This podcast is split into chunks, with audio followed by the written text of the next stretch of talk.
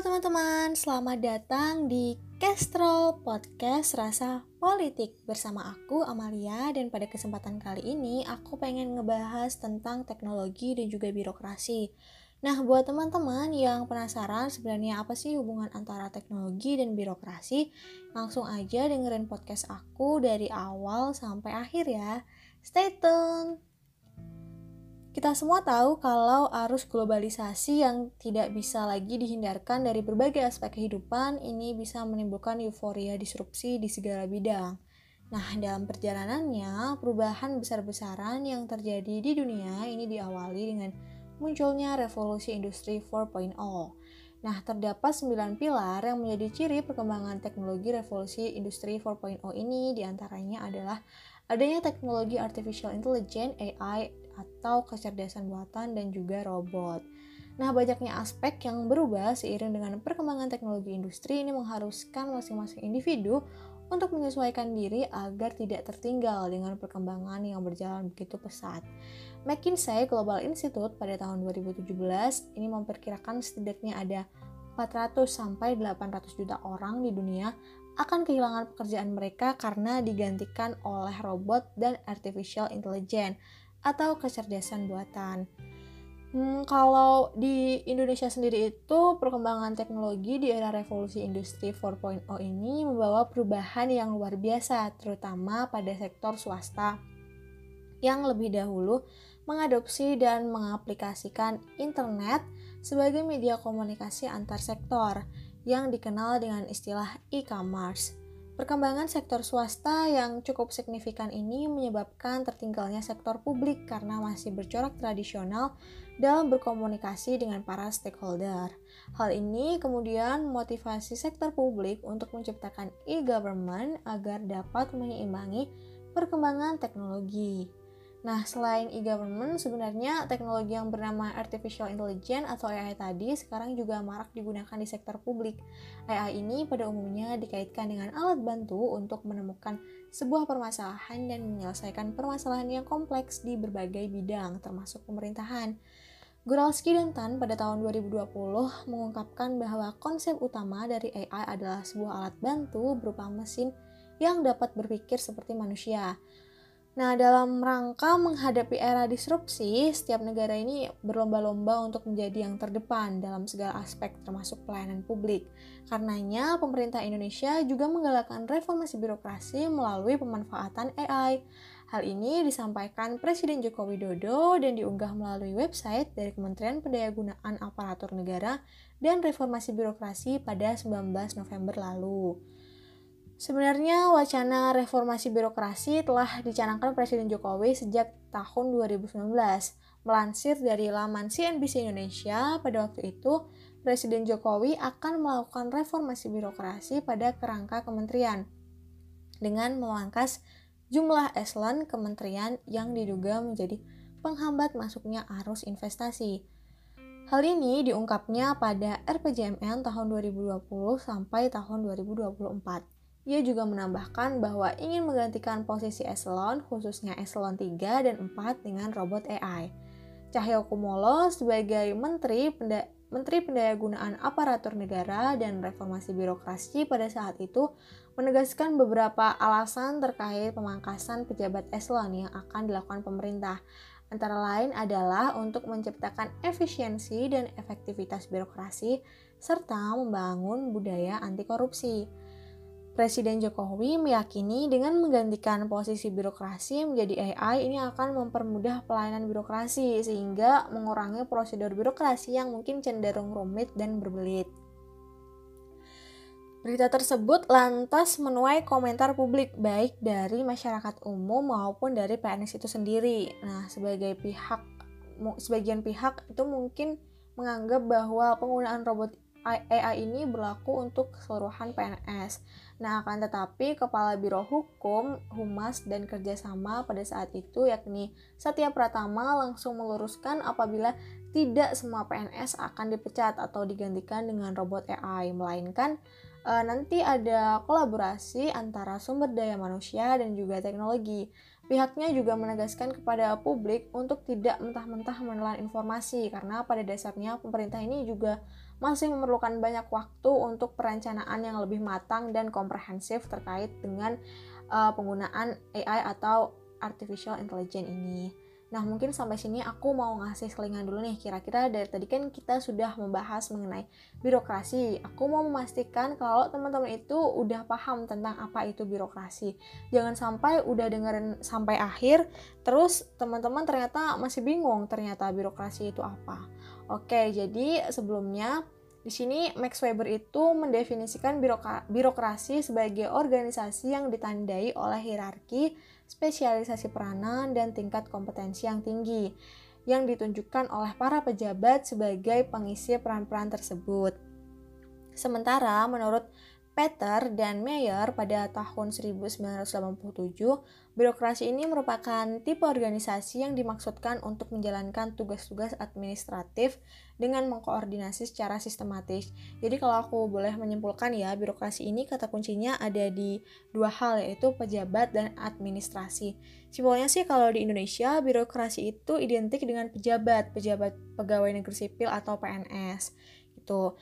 Nah, selama ini e, birokrasi di kalangan masyarakat itu dipahami sebagai sebuah organisasi yang melayani masyarakat dengan stereotip yang negatif, antara lain e, proses pengurusan surat dan dokumen yang berbelit, terus pegawai yang terkesan tidak ramah, tidak adil, tidak transparan, kemudian mempersulit dan memperlama pelayanan dan lain sebagainya. Sebenarnya nggak ada salahnya kalau masyarakat itu menggambarkan birokrasi seperti itu karena mungkin pengalaman mereka selama berurusan dengan birokrasi cukup tidak mengenakan ya misalnya pada saat pembuatan KTP, akta kelahiran, mengurus sertifikat tanah, membuat paspor, mengurus SIM atau lain atau lain-lainnya. Nah, berdasarkan berita mengenai posisi PNS yang akan digantikan dengan robot AI tadi juga mencerminkan bahwa birokrasi di Indonesia itu belum berjalan optimal gitu. Baik dari segi prosedur, kinerja maupun dari segi anggaran. Karenanya perlu adanya reformasi birokrasi yang dilaksanakan dalam rangka mewujudkan tata kelola pemerintahan yang baik atau good governance. Nah, e, sebagaimana yang diungkapkan Kridawati pada tahun 2010, Reformasi birokrasi ini adalah perjuangan untuk menegakkan hukum dan konstitusi, perubahan yang lebih baik dalam moral, dan kebiasaan serta cara pelayanan untuk mewujudkan tata pemerintahan yang baik. Nah, reformasi ini dimulai dari penataan kelembagaan dan sumber daya manusianya. Kemudian langkah selanjutnya adalah membuat mekanisme, pengaturan, sistem, dan prosedur yang sederhana, sehingga tidak menghasilkan sistem yang berbelit-belit.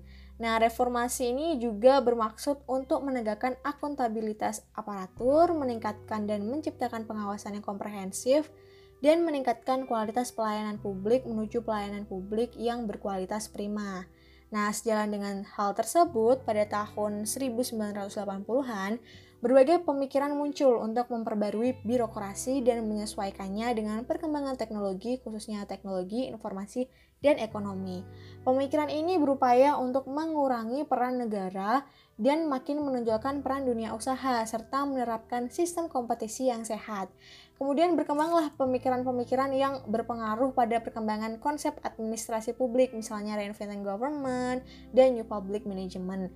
Nah, penggunaan AI sebagai pengganti birokrasi tadi bisa dikaitkan dengan konsep ini karena selain bersinggungan dengan teknologi informasi, konsep ini juga menyinggung perihal ekonomi. Nah, karena dilansir dari lokaldata.id nih bahwa alokasi anggaran untuk belanja pegawai uh, ini meningkat sejak 9 tahun terakhir.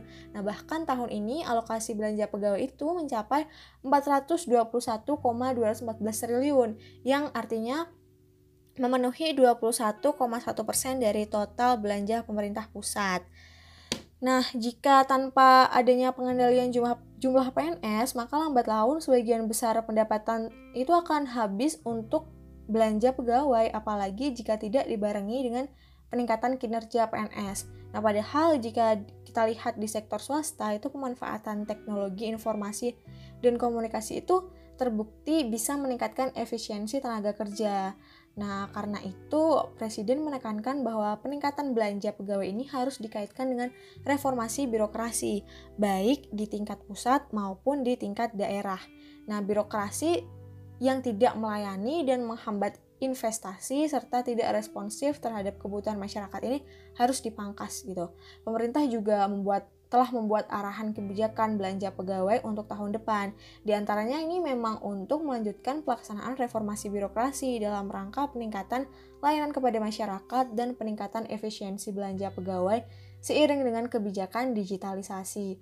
Oleh karena itu, penggunaan teknologi AI ini untuk menggantikan birokrasi merupakan alternatif yang paling tepat menurut pemerintah, mengingat penggunaan teknologi di sektor swasta tadi itu mampu memberikan perubahan yang sangat sangat serius ya yang cukup signifikan. Uh, berkaitan dengan konsep New Public Management tadi HUT tahun 1995 itu mengungkapkan bahwa untuk menerapkan konsep New Public Management, pemerintah dianjurkan untuk meninggalkan paradigma administrasi tradisional yang cenderung mengutamakan prosedur dan menggantinya dengan orientasi pada kinerja atau hasil hasil kerja.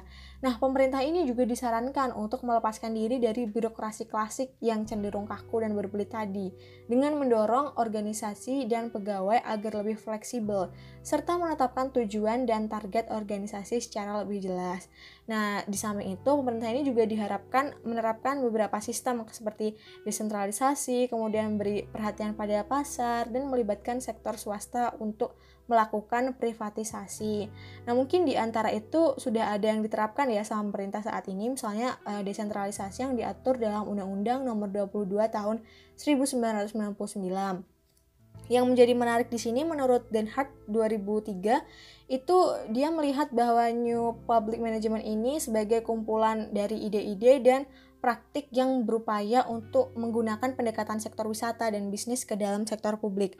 Nah, karena New Public Management ini erat kaitannya dengan sisi ekonomi, maka penerapan New Public Management ini dalam pemerintahan sangat berorientasi pada jiwa dan semangat kewirausahaan. Oke, mungkin uh, di sini aku izin menyimpulkan dulu dari apa yang udah aku jelasin tadi. Uh, kalau menurut aku ya terkait dengan wacana digantinya birokrasi menjadi robot AI ini aku masih 50 banding 50 lah istilahnya. Kenapa? Karena ini berkaitan erat dengan teknologi dan aku pribadi itu masih merasa pesimis dengan penerapan teknologi di tubuh birokrasi. Di mana birokrasi itu kan merupakan sistem yang melayani masyarakat. Nah, aku kurang yakin kalau benar-benar 10 masyarakat benar-benar seluruh masyarakat itu paham banget tentang perkembangan teknologi yang sedemikian. Meskipun nggak semua bagian di birokrasi itu diganti dengan AI karena memang uh, Balok pada tahun 2019 juga mengatakan bahwa kecerdasan buatan merupakan pelengkap dari manusia, bukan pengganti. Nah, ini belum lagi permasalahan ekonominya gitu. Memang dengan digantinya birokrasi menjadi AI itu bakal memangkas biaya untuk gaji PNS.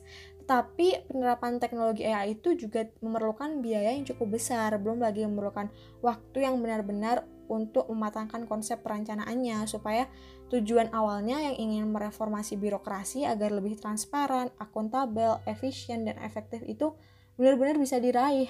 Nah, tapi di samping itu aku emang yakin kalau teknologi AI itu uh, di sistem birokrasi misalnya pembuatan KTP atau SIM bakal lebih cepat gitu. Udah nggak ada lagi tuh yang namanya dialihkan dari meja ke meja. Jadi kalau biasanya ada orang awam yang mau buat KTP atau SIM tapi mereka nggak paham tentang prosedur dari birokrasi terus mungkin bertanya kepada salah satu pegawai atau beberapa pegawai nggak jarang para pegawai itu malah saling melempar tugas antara satu dengan lainnya. Kan hal ini jadi nggak efektif ya Nah, kalau dengan robot, masalah-masalah seperti itu tuh pasti bakal bisa teratasi. Dan aku juga yakin uh, pemerintah sendiri pasti juga udah merencanakan reformasi birokrasi sebaik mungkin. Jadi, kita sebagai masyarakat juga turut mendukung program tersebut agar baik pemerintah maupun masyarakat sendiri itu bisa merasakan manfaatnya. Nah, mungkin sekian dulu uh, podcast dari aku pada kesempatan kali ini. Semoga apa yang aku sampaikan tuh bisa menambah insight kalian semua. Terima kasih buat teman-teman yang udah dengerin podcast ini dari awal sampai akhir. Aku Amalia pamit undur diri dan sampai jumpa di podcast selanjutnya.